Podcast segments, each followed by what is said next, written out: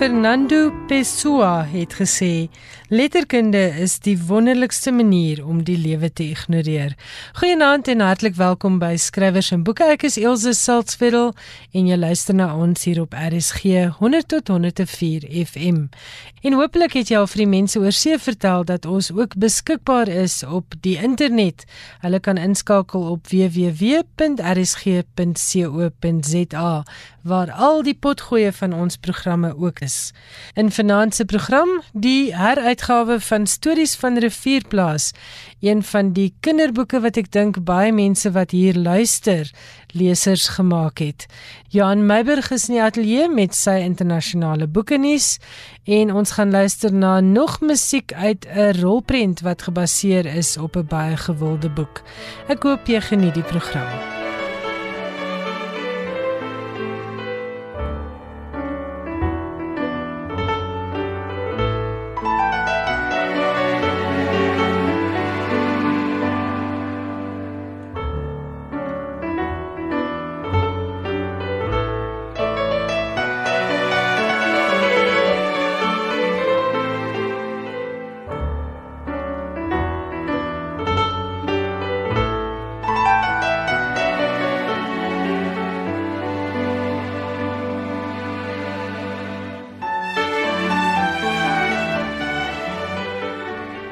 Alba Bouwer, die gewilde kinderboekskrywer, sou op die 16de Maart 100 jaar oud gewees het as sy nog geleef het. En ek is seker daarvan as jy hier luister, is jy waarskynlik 'n leser gedeeltelik as gevolg van Alba Bouwer se wonderlike stories van Rivierplaas. Tafelberg Uitgewers het pas die omnibus Rivierplaas heruitgegee. Dit bevat stories van Rivierplaas, nuwe stories van Rivierplaas en stories van Ruiswyk met illustrasies deur Katrin Harris. En ek beloof jou as jy daardie boek in jou hande hou en net kyk na Katrin Harris se pragtige tekeninge dan gaan daar baie baie herinneringe terugvloei na jou laerskool leesdae. Ons gaan nou luister na uittreksels uit twee verskillende onderhoude wat in 1964 en 1970 met Alba Bouwer gevoer is. In die eerste onderhoud gesels Andrei Potgieter in 1964 met Alba oor haar lewe en skryfwerk en in die tweede opname wat in 1970 gedoen is, sal jy die stem van Monica Breed herken. Skrywers en boeke, alles wat jy oor die boekewêreld wil weet en meer. Is vir ons vanoggend 'n besonder aangename voorreg om hier by ons in die ateljee te verwelkom mevrou Hubert Kutse of beter bekend as die bekende skryfster Alba Bouwer. Goeiemôre mevrou en hartlik welkom. Ja, goeiemôre. Juffrou Bouwer, u het nou bekendheid verwerf as 'n skryfster. En die eerste vraag wat dan sommer dadelik by 'n mens opkom, is van waar nou hierdie belangstelling, hierdie liefde, hierdie lus om die pen te hanteer? Nou ja, ek vrees dis hier maar die figuurlike pen en verder die tikmasjien. Maar om u eintlike vraag te beantwoord, ek het op 'n plaas groot geword waar ons ons eie vermaake moes soek en moes maak en een daarvan was natuurlik lees. Geld en boeke was maar skaars en ons het alles gelees wat ons onder oë gekry het, van Engelse klassieke werke af tot by Afrikaanse advertensiepamflette. En daar het my eerbied en my waardering vir 'n boek eintlik begin. Een van die boeke wat ek die helderste onthou, is Die Sewe Duiwels en wat hulle gedoen het deur ou oom Jan. 'n Boek wat ons ontdek het onder in 'n kustuie wat my pa op 'n plaas van Disie gekoop het. En ek kan onthou hoe ek toe gedink het, as ek eendag so 'n boek kan skryf, sal ek voel ek het die opperste heerlikheid beerwe. Maar my eintlike belangstelling in die skryfkuns, dink ek, het begin toe ek 'n duidelike bewustheid begin kry het van woorde en die wonder van woorde. Voor ons nou by die bewustheid van woorde en die wonder van woorde kom, vertel ons so 'n bietjie meer van die plaas daar. Hoeveel kinders was u gewees? Uh nee, ons was maar twee kinders, maar uh dit sal u dit kry 'n mens 'n duideliker beeld van eintlik later in die rivierplaas boeke wat ek geskryf het. Geskryf het, ja. Nou uh ons het so gepraat van woorde en die wonder van woorde. Waardeur het dit nou eintlik gekom? Uh daardie bewuswording het ek te danke aan 'n onderwyseres wie se naam ek baie graag hier noem, mevrou Kitty Dreyer van die Parel, wat my Afrikaanse onderwyseres was in die Hoër Meisieskool La Rochelle. As ek aan haar dink, dan dink ek aan die baie mooi aanhaling uit een van Thomas Mann se romans. Ek het 'n liefde en 'n eerbied vir die woord, die draer van die gees, die implement, die glansende ploegskaar van vooruitgang.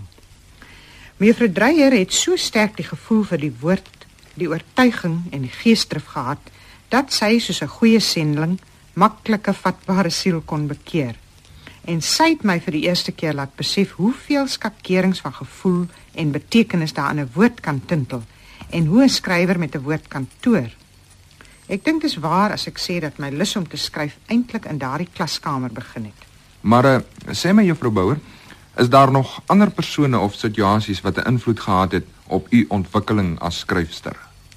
Wel, ek dink die soort boeke waarmee mense omgaan, die mense tussen wie jy lewe, die dinge wat jy belewe, dit het maar almal 'n sekere invloed op jou persoonlike ontwikkeling en daardeur natuurlik op die ontwikkeling van wat jy skryf.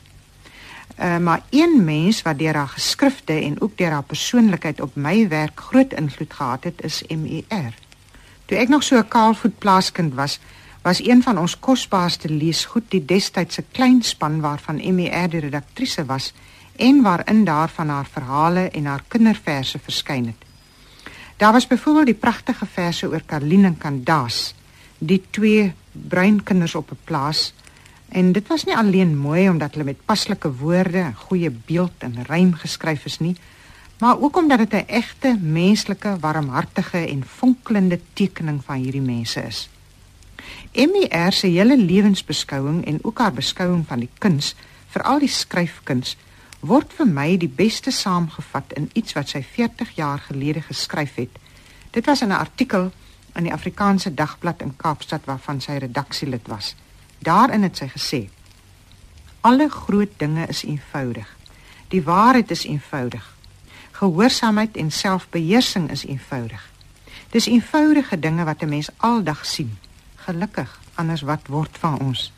En verder het sy gesê: Die mooiste eienskap van enige skrywer is die eenvoud van hart. Kenmerk van die ware kunstenaar wat 'n onverdeelde liefde aan sy kuns skenk en die waardigheid wat van eenvoud kom as dit met opregtheid saamgaan. Juffrou Bouwer, sal u ons nou so en ander vertel van die boeke wat u reeds geskryf het? Ek meen daar is 6 nie waar nie? Uh ja, dis reg, daar is 6 gepubliseer. Die eerste was stories van Rivierplaas en die tweede wat daarop gevolg het, nuwe stories van Rivierplaas. Uh ja, dis reg. Dis hierdie twee boeke wat deur die Akademie in 1959 bekroon is met die Skepersprys vir jeuglektuur. Uh dis reg, ja. Dis en uh hulle is eintlik gegrond op jeugherinneringe. Uh ja, dit is so. Ek het groot geword op 'n Vrystaatse plaas, soos ek reeds gesê het, op die walle van die Renosterrivier en hierdie rivierplaas stories is maar gebou om die kinders en die besoetos, die dinge en al die doenighede van die plaaslewe van daardie dae. Jy weet dit was die dae toe daar nog spanne skeerders gekom het, toe ons nog wol getrap het en bees geslag het en kaalvoet skool gegaan het in 'n plaasskool. So 'n skool waar daar tot 4 klasse in een klaskamer by een onderwyser gesit het, ondenkbaar vandag, né? Ja, nee, beslis. Uh het jy nie vir Ali een van die hooffiguurtjies in Rivierplaas later in nog 'n boek geteken nie? Uh ja, in stories van Reiswyk wat in 1961 verskyn het en waarin Ali 'n tienerjarige geword het, 'n baie oudtydse tienerjarige soos ons se 30 jaar gelede self maar was. Die materiaal hiervoor was eintlik my kosskooljare in La Rochelle En die boeke het ek dan ook opgedra aan mevrou Kitty Dreyer eh, van wie ek net nou gepraat het. Maar uh, terloops, u het ook groot belangstelling in die Kaapse slamse. En uh, gaan een van die boeke nie oor hulle ook nie? Ja, ek dink seker aan Abdolkie, die verhaal van die slamse seentjie van die Skotse kloof, né? Dis korrek. En ja. dan is daar die Dammetjie, 'n bundel kortverhale en essays en sketse van ses skryfsters en daarin het ek ook 'n verhaal van 'n slamse kind. Uh, en dan is daar nog een van die boeke wat 'n paar jaar gelede bekroon is met die Suid-Afrikaanse Biblioteekvereniging se Hoogenoutprys nie waar nie? Ja, dit is 'n uh, Katrientjie van Keerweder, 'n boekie vir kinders onder 10. Maar hier wil ek graag byvoeg dat daardie bekroning gedeeltelik gegrond is op die voorkoms van die boek. En daarvoor dank ek natuurlik naas die uitgewers Katrine Harrius die kunstenares wat al my boeke tot dusver geïllustreer het. Dis korrek ja, sy het ook u jongste boek Stories van Bergplaas geïllustreer. Dis reg. Katrina Harries het 'n besonder fyn aanvoeling vir mense en veral vir kinders en haar tekeninge van kinders is iets baie besonders.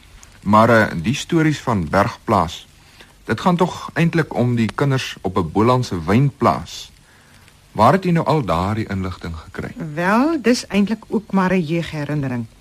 My moeder was van geboorte Bolander en vanaf my 13de jaar en na die dood van my vader het ons op hulle ou Bolandse familieplaas kom woon.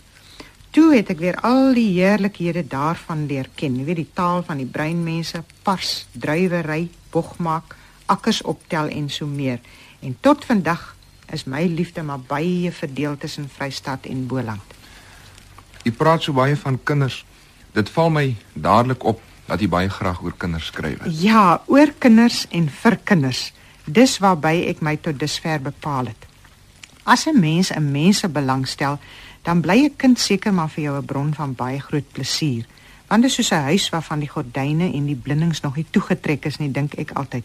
'n Mens kan nog lekker diep en ver inloer en sien hoe dit daar binne lyk. Jy weet hoe groter en ouer ons word, hoe meer trek ons maar maar toe en maak ons mos donker dan gaan die takseer daarom al hoe moeiliker. Dit is werklik waar baie interessant dat u so belangstel in kinders en soos ek ook verstaan in kinders en jeuglektuur. Kan u nou dalk sê van waar? Uh wel, miskien is dit omdat ons in ons jeug so min te lees gehad het, miskien maar net omdat kinders my boei. Maar ek stel baie belang in kinderlektuur en ek dink werklik dat 'n mens en veral 'n ouer die belangrikheid van 'n die boeke wat 'n kind lees nie moet onderskat nie. Jy weet hoe ons kinders was, was daar baie min boeke te kry. Maar dit het tog gehelp ons om, om ons 'n sekere eerbied en respek vir 'n boek te gee. Vandag is daar so 'n oorvloed kinder- en jeugboeke op die mark dat dit moeilik gaan om 'n kind te laat voel 'n boek is iets spesiaals, iets wat deel is van 'n mens se gees en nie sommer 'n ding wat jy so skoene of speelgoed koop en daar eenkant gooi as jy daarmee klaar het nie. Bydien is dit vandag ook moeiliker om kinders te leer onderskei tussen die goeie en die slegte, want om dit te kan doen, moet 'n ouer homself op die hoogte hou van wat daar verskyn en dis natuurlik nie so maklik nie. uh, u meen dus dat wat 'n kind in sy jeugjare lees baie belangrik is. Bepaald ja, want dit vorm tog sy smaak vir die toekoms. Die leesgewoonte is tog iets kosbaars om by 'n kind te kweek. Maar dis jammer as 'n kind in die gewoonte kom om bloot te lees net om die tyd om te kry in plaas van te lees omdat 'n boek hom iets van blywende waarde gee. Buitendien, en hier wil ek iets aanhaal wat 'n skandinawiese skryfster gesê het, wat 'n kind lees het tog 'n bepaalde invloed op sy algemene ontwikkeling as mens, nie waar nie? Hier is die aanhaling van die skryfster Astrid Lindgren. Sy het gesê: "Alle groot dinge wat in die wêreld plaasgevind het, het allereers in iemand se fantasie tot stand gekom." en hoe die wêreld van môre daaruit sal sien, sal in 'n groot mate afhang van die krag van die verbeelding van hulle wat op die oomblik leer lees. Daarom moet kinders boeke hê en daarom moet daar mense wees wat werklik 'n oog het vir die soort boeke wat die jeug in die hande kry. Maar eh, sê my juffrou Bouwer, afgesien nou van die groot belangstelling in die kind en in jeuglektuur, het jy ook 'n ander groot belangstelling. Eh, ek vrees ek het geen opsienbarende belangstellings nie, maar miskien moet ek sê dat daar behalwe die letterkunde ook die geskiedenis is wat vir my baie boeiend is. Miskien maar omdat dit ook gaan oor mense en oor die dinge en die doenighede van die ou dae. En daar's min stories wat mooier is as die stories van die mense en die dinge van die ou Kaap. Om nou weer terug te keer tot u letterkundige talent. Waar het u nou eintlik u letterkundige opleiding gehad? Of sal ek nou maar sê, wat was u loopbaan voordat u begin skryf het? Ja, letterkundige opleiding, nee Potgieter is 'n taamlik hoogsprooklike mondvol en ek weet nie presies wat daarop die antwoord moet wees nie. Ek het graad gekry aan die Huguenot Universiteitskollege op Wellington wat vandag nie meer bestaan nie. Toe het ek 6 jaar onderwys gegee Daarna het ek hier by die SAIK in Kaapstad die kinderprogram georganiseer en daarvandaan is ek na die redaksie van 'n bekende Afrikaanse vroueblad hier in Kaapstad waar ek 14 jaar lank gewerk het. Maar uh, u opleiding om te skrywe, waar het u dit nou eintlik gekry? Dit kry 'n mens seker maar elke dag in jou omgang met mense en boeke, maar ek dink die antwoord sou eintlik wees agter die tikmasjien in 'n redaksiekantoor. As 'n mens geluk het om saam met goeie joernaliste te werk en ek het die geluk dan leer jy algaande om jou gereedskap, die woord te hanteer. Dit is natuurlik 'n les wat nooit voltooi word nie. Een van die waardevolste lesse wat 'n mens kan leer, dink ek, is om met dissipline en goeie oorweging daardie woord te gebruik. En dit dink ek leer jy veral ook as jy die slag vir taalwerk doen. Want dan moet jy die gees en die waarheid van die oorspronklike werk getrou behou, maar jy moet darm iets nuuts daarstel. Met ander woorde, jy moet herskep sonder om die oorspronklike aan te tas en dit leer 'n mens jou woorde weeg en tel. Uh u praat nou so van vertaalwerk doen. Het u al heelwat vertaalwerk gedoen? Uh ja, ek het verskeie kinderboeke uit Duits vertaal en ook 'n novelle van Werner Bergengreen, Die Spaanse Roosboom en een van Ernst Wichert, Die Wit Buffel. Nou, juffrou Bouwer, mens wil nou nie graag die boer die kuns afvra nie. Maar dit sou dan ongetwyfeld baie interessant wees om te weet hoe u nou presies te werk gaan om 'n boek te skryf.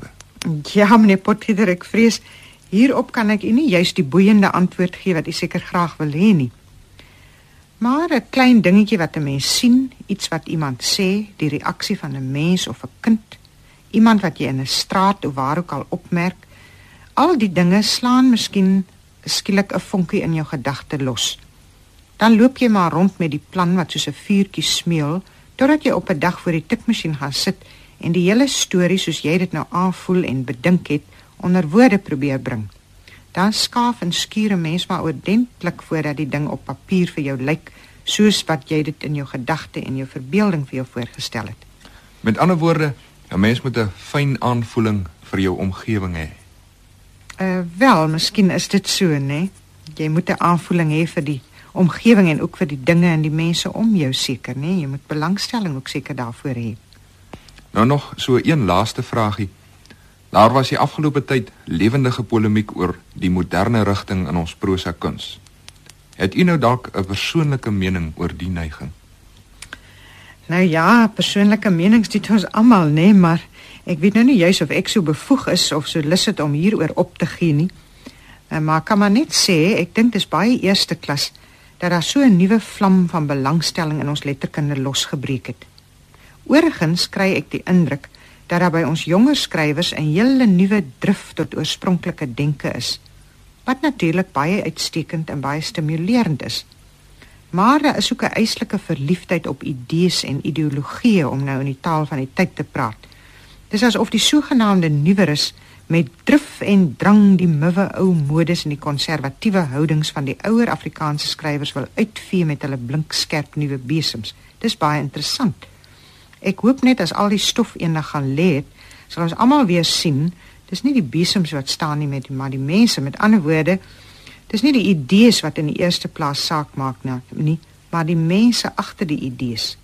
En ek hoop dat dit dan weer met eenvoud en warmhartigheid en insig oor mense en menslike verhoudinge geskryf sal word. Dan meen ek sal so 'n neiging 'n blywende rigting word en iets durends tot stand kan bring. Dit was die stem van Andrei Potgieter in gesprek met Alba Bouwer. Hierdie opname is in 1964 gemaak. Dit was eintlik eers nadat jy die diens van die uitsaai koöperasie verlaat het dat jy bekendheid as skryfster verwerf het.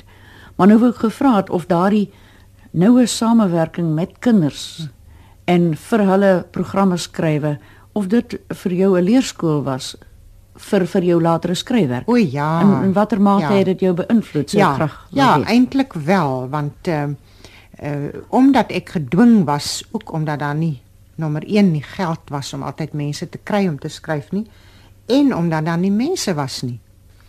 Ehm um, is ek gedwing om self baie goed te skryf en dit het my belangstelling veral in die in die skryf van kinderverhale sterk hmm.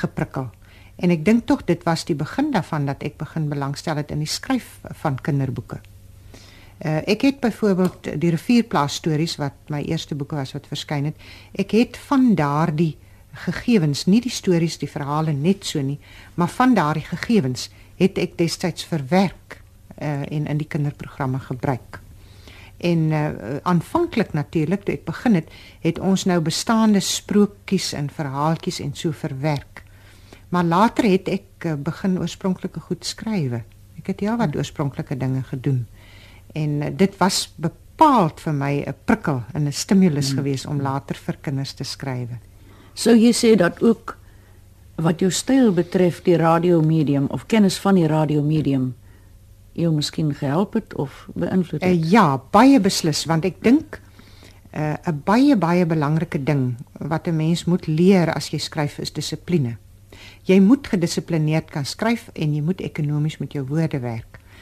En ek dink dat die radio jou baie baie help om dit te doen want kyk eh, soos jy self weet dit hoef ek jou nie te sê nie, né? As daar een ding is wat baie belangrik is as jy vir die radio skryf, dan is dit dissipline, né? Absoluut. Ja. En jy's gebind uh, aan 'n sekere tyd. Jy moet probeer om soos die mense nou so graag in hulle toesprake sê kort te gaan. Wat ja. dit ook al beteken. Die wat die wat sê hulle sal kort gaan, gaan gewoonlik heel wat lank. maar uh, my werk by die radio het my geleer om om ekonomies te wees. Ja met ja. my woorde en om 'n ding wat jy in 2 woorde kan sê nie in 10 te sê nie. Hmm. En uh, dit sal ek altyd uh, daar daarvoor ten minste sal ek altyd baie dankbaar wees aan die radio en die SAIK ja. aan die mikrofoon dat ek geleer het om kort te skryf en dat ek ook daardeur uh, min of meer geleer het wat die standaarde is van die gehoor vir wie jy skryf, die ja, kinders. Ja, ja. Want uh, deurdat jy uh, lewendige uitsendings gedoen het, het jy jouself bewus gevoel van die soort gehoor wat jy het.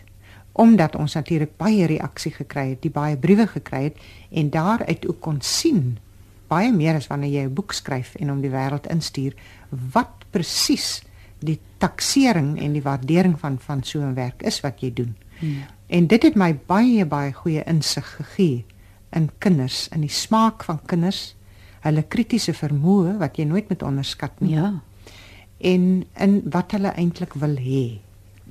Dit was vir my 'n baie baie goeie leerskool. Ek is vir die 2 jaar wat ek by die radio gewerk het by die SAIK, is ek baie baie dankbaar. En die stemme wat jy daar gehoor het was Monica Breed in gesprek met Alba Bouwer en die opname kom uit 1970. Baie dankie aan Karen de Tooy en die SABC argiefspan. Nou gaan ons luister na die aktrise Mila Guy wat spesiaal vir skrywers en boeke hierdie stukkie uit Alba Bouwer se Stories van Rivierplaas voorlees.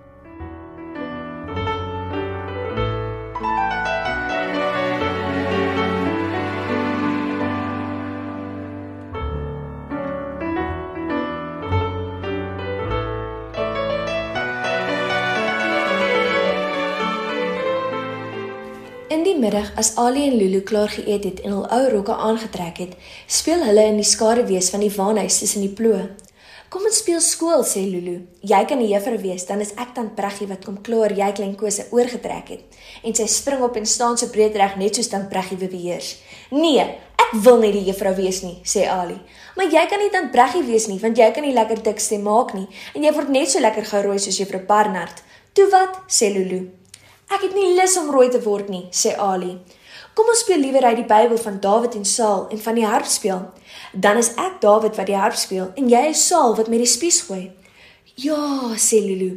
En sy klouter bo op 'n ploeg. Hier is my troon. Jy kan op die egse tande speel. Dis 'n mooi harp. Toe, speel nou, maar jy moet 'n wysie ook daarby sing. Ali gaan sit mooi wysbeen voor die eg, dan trek sy sulke lang hale dwars oor die egtande en sing. Hoe lieflik hoe vol el genot, so mooi lank uitgerek. Nee, jy moet wag tot ek sê, speel vir my Dawid, speel vir my soete klanke en dan begin jy sê Lulu. Dan gooi ek jou met my spies. Ali begin weer speel, maar sy het skaars weggeval of Lulu korrel haar met 'n melkbosstok en skree: "Hou op! Ek gebied jou, hou op!" Ali koets vir die melkbostok en vlug tussen die ploegwiele uit en om die waarnese hoek vas in Sanna en klein Melitie wat op die pad huis toe is.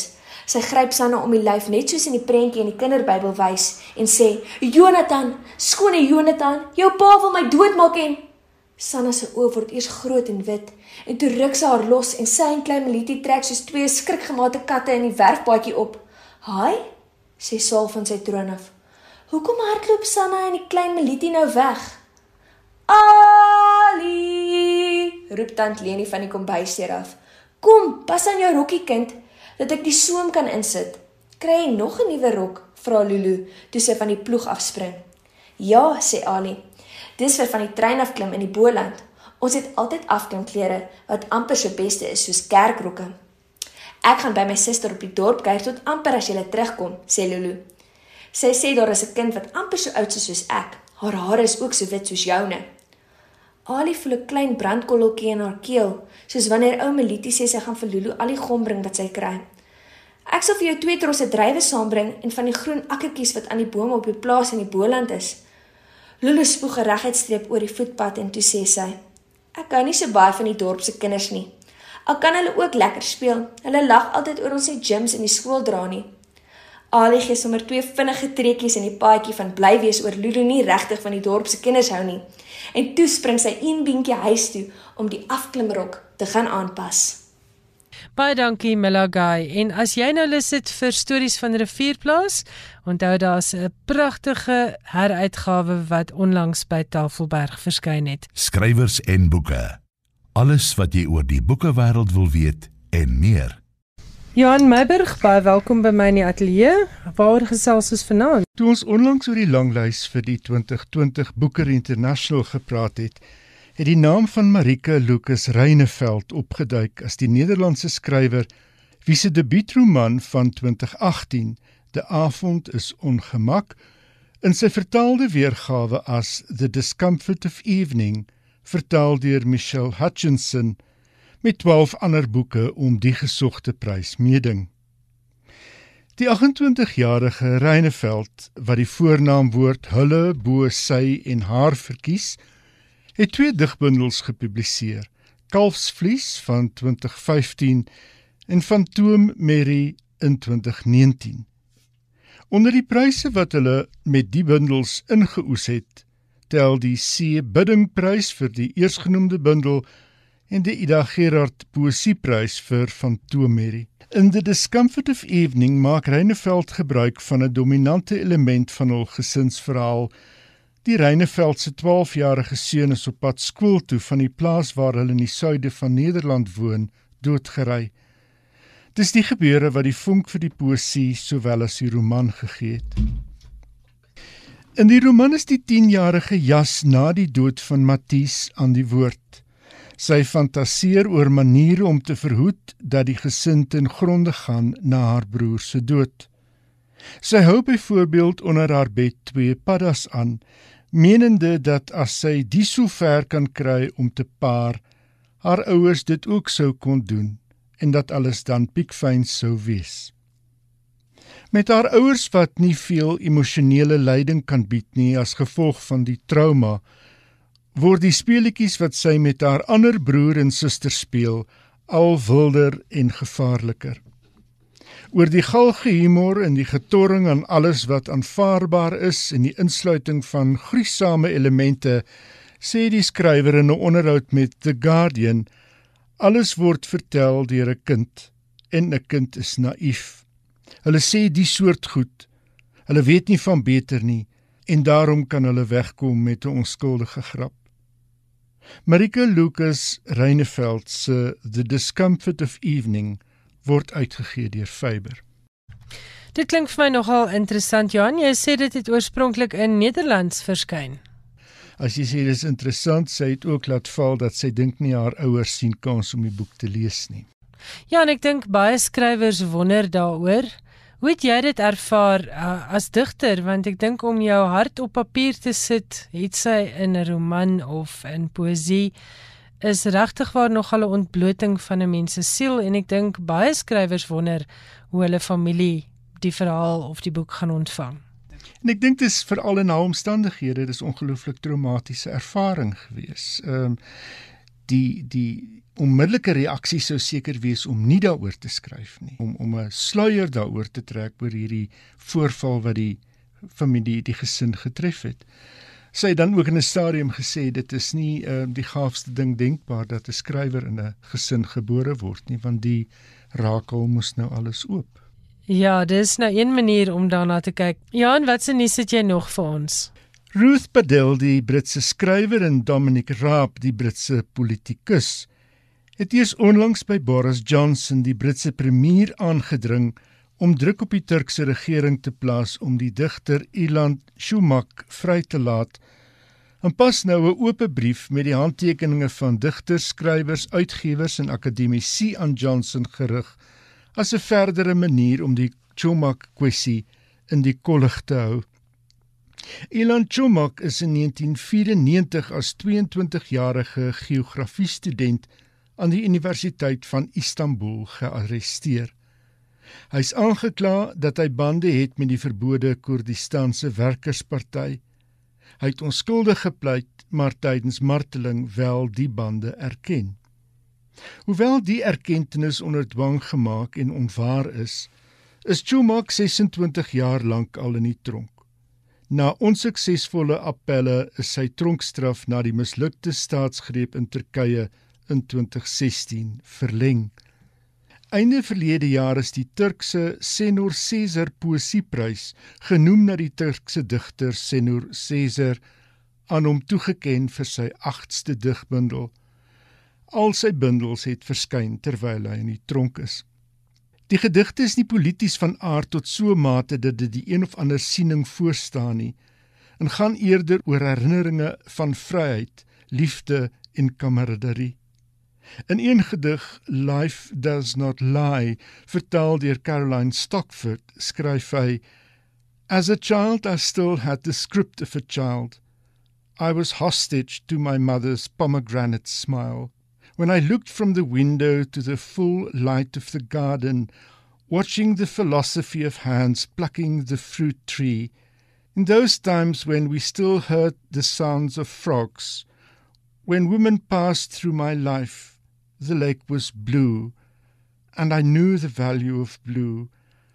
I understand pain too on the steps of life. In die stadium lyk dit nie of Chumak somaar vrygelaat gaan word nie. Nazim Hikmet, een van Turkye se vernaamste digters wat in 1963 dood is, het sy lewe lank of in die tronk of in ballingskap deurgebring. Chumak is tans nie die enigste digter skrywer in die tronk in Turkye nie, maar dalk een van die vernaamstes. Hy is ook van die studente of oudstudente wat aangehou word, die langste in die tronk. Daar is tans 70000 studente in Turkse tronke. Sjoe, 70000 studente is verskriklik. Ja, ons kan nooit genoeg dankie sê dat ons nog vryheid van spraak in Suid-Afrika het nie en soos jy altyd sê, ons moet aanhou om dit te waardeer en aanhou om te veg daarvoor vir die res van die wêreld se skrywers en digters. Wat is daar nog in jou bydrae Johan? Dit was die skrywer Haruki Murakami wat gesê het as jy net die boeke lees wat ander mense ook lees, kan jy net dink wat die ander ook dink. As jy van die gebaande weë wil wegbreek, is daar 'n wêreld van Arabiese letterkunde wat wag om verkend te word. In vertaalde vorm kom boeke uit die Midde-Ooste dikwels op die langlys van die Booker International, die vertaalprys. Maar daar is ook die internasionale prys vir Arabiese fiksie die belangrikste literêre prys in die Arabiese wêreld.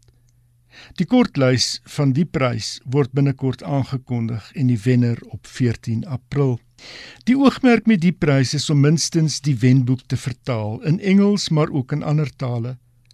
Op dië manier kry 'n groter leserspubliek die geleentheid om meer te wete te kom van hedendaagse Arabiese letterkunde. Uitsonderlike romans het die afgelope paar jaar uit die oord gekom. Dink maar aan die Egipties-Britse skrywer Adaf Suyef se 1999 roman The Map of Love, 'n boek wat in Engels verskyn het. Isabel, 'n jong Amerikaanse vrou, vra haar Egiptiese vriendin Amal om haar te help met 'n trommel vol dokumente wat haar ouma aan haar bemaak het. Dis in Arabies en dit blyk dat haar ouma, Anna, Kaïro teen 1900 besoek het en smoor verlief geraak het op 'n Egiptiese man, Sharif. Die twee is getroud, maar die enigste gemeenskaplike taal tussen die twee was Frans. Die taalkwessie is een van die leidende motiewe in Suyef se boek. By geleentheid vra Sharif vir Anna of dit haar pla dat sy nie direk in haar taal met hom kan praat nie. Nee, antwoord sy want dit maak van albei van ons vreemdelinge. So jy voorsien in haar roman 'n glossarium om die leser te lei in die geheimenis van enkele Arabiese kernwoorde.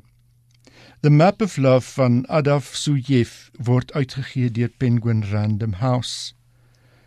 Die Nero's Game van die Libanees-Kanadese skrywer Ravi Haj het in 2006 verskyn. Dis 'n boek wat afspeel teen die agtergrond van die traumatiese gevolge van die burgeroorlog van 1975 tot 1990 in die land. Die boek het die Dublin Letterkundeprys in 2008 opgeraap. Haj se debuutroman vertel die verhaal van Bassam en George, jarelange vriende wat in die oorlog getuisterde Beirut woon.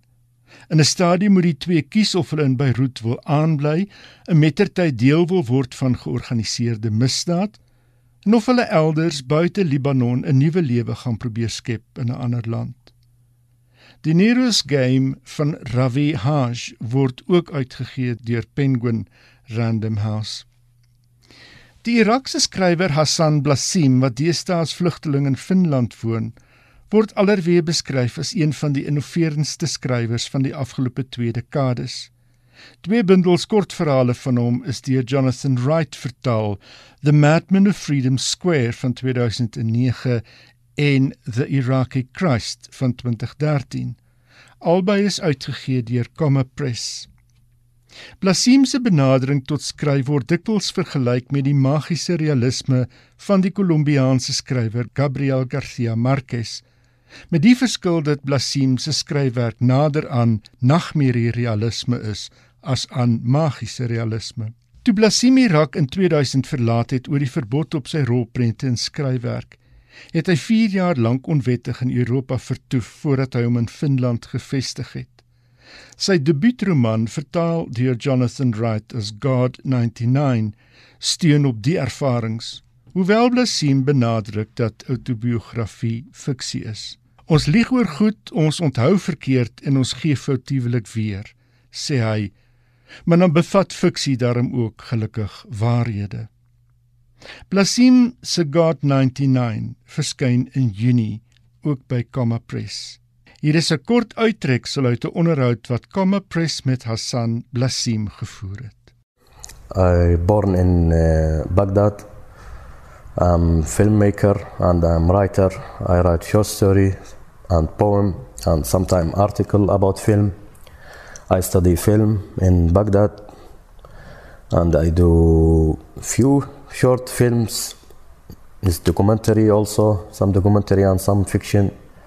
And this time, when Saddam Hussein, this dictatorial time, I do some short film about poor people with it's like just documentary and I get it uh, trouble and uh, so I leave uh, Baghdad. I go to Kurdistan uh, to Suleimania and uh, I continue to do film in Suleimania like I do fiction film and uh, teaching uh, also direct and writing to film.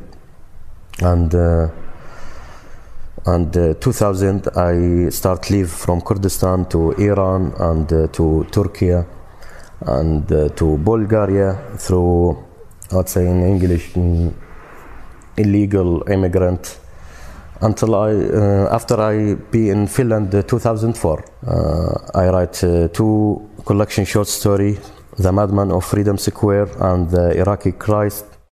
I start writer when I am like teenager. I start write uh, poem more and uh, one day I want to, when I want to go to college to study uh, I want to be a writer. So I ask one my friend I say what what college I go to study to help me to be a writer? And he suggests to me to study film. I find it's wonderful when I go to study film. It's help a lot. So I write a short story and poem and article about film. Uh, when I'm in Finland, I start send my uh, article and poem and short story to newspaper Arabic, different country in Arabic, in Lebanon, in Egypt, in Iraq, and uh, I am not happy what what they do because all the time they do censorship about the world. So I I decided just write in the internet, and I I like around seven years just write and put it everything in the internet, and after I also work in the IraqiStory.com website. It's about uh, Iraqi short story, uh, and we have uh, hundred short story from Iraq. And I feel it's uh, I feel like very good with the internet because no censorship, no control. I can't write uh, any what I want, and through this seven years or more, when I write in the internet, I have very um, good relationship with many reader and with many writer around the Arabic world, and they support me. Many many writer they say they say you do very well because you can broken taboos. For me, it's like not a big problem like broken taboo because this our problem.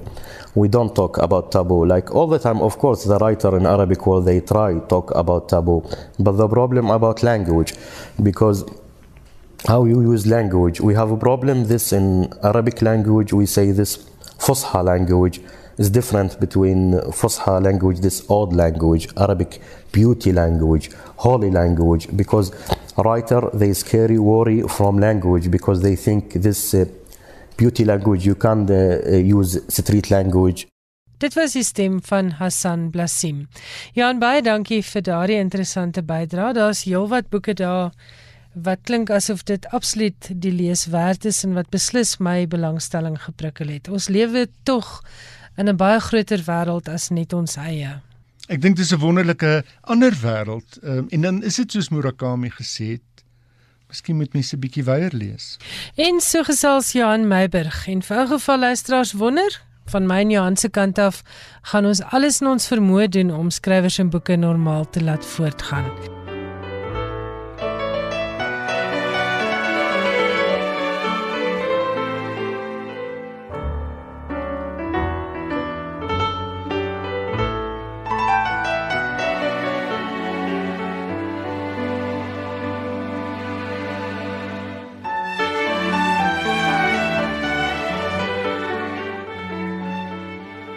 In 1868 en 1869 het Louisa May Alcott 'n roman in twee dele gepubliseer en min het sy geweet dat ons 152 jaar later nog steeds oor hierdie boek sou praat.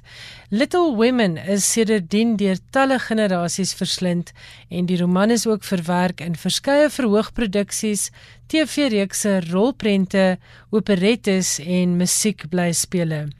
Little Women vertel die verhaal van die vier March Sisters, Joe, Meg, Beth en Amy, en is losweg gebaseer op die lewe van Alcott en haar eie drie susters. Dit word alreeds beskryf as 'n wordingsroman en volg die vier vroue se lewe vandat hulle tieners is. Dit fokus op drie temas: die alledaagse huishoudelike dinge, werk en ware liefde. Een letterkundige reken dat Little Women die heel eerste roman is wat die idee van die All-American Girl vestig en dat verskillende aspekte van hierdie konsep deur die verskillende March Sisters uitgebeeld word.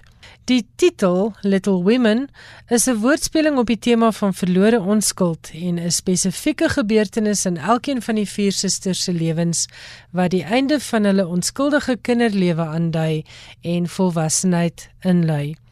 Joe woon in New York, Amy studeer skilderkuns in Parys, Meg is getroud met 'n onderwyser en Beth word ernstig siek, wat dan ook veroorsaak dat hierdie vier susters weer onder een dak beland.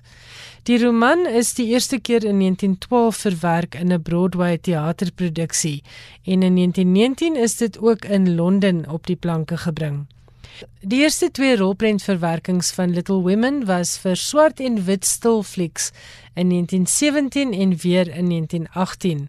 Gelukkig kon rolprentgangers in 1933 daarom ook hoor wat die March Sisters alles vir mekaar te sê gehad het en in hierdie weergawe het die formidable Catherine Hepburn die rol van Jo vertolk. Die heel eerste rolprentweergawe van Little Women in volkleur is in 1949 uitgereik met groot name soos Elizabeth Taylor en Janet Leigh in die rolverdeling. Die eerste rolprentweergawe wat vir Oscars benoem was, was die 1994 weergawe met onder andere Winona Ryder, Kirsten Dunst en Claire Danes in die rolverdeling. Dit is vir 3 Oscars benoem. In 2018 was dit 150 jaar sedert Alcott se roman die eerste keer verskyn het en nog 'n rolprent is uitgereik. Maar dit was die 2019 rolprent weergawe wat die Oscars se aandag behoorlik op Little Women gefestig het. Greta Gerwig was die regisseur en dit het nie minder nie as 6 Oscar benoemings gekry, onder andere as beste rolprent. Ons gaan nou luister na musiek uit hierdie Greta Gerwig weergawe van Little Women. Die komponis is die Fransman Alexander Desplat. Hy was verantwoordelik vir die musiek in verskeie gewilde rolprente, onder andere Harry Potter, The King's Speech, The Secret Life of Pets en dan ook The Grand Budapest Hotel en The Shape of Water, albei rolprente waarvoor hy Academy Awards gewen het vir sy musiek. Desplat is ook al vir verskeie BAFTAs, die Franse Césars, Golden Globes en Grammys benoem. En daarmee groet ek Elsje Salzwetel. Ek hoop jy die program geniet. Tot ons weer saamkuier volgende Woensdag aand om 8uur. Totsiens.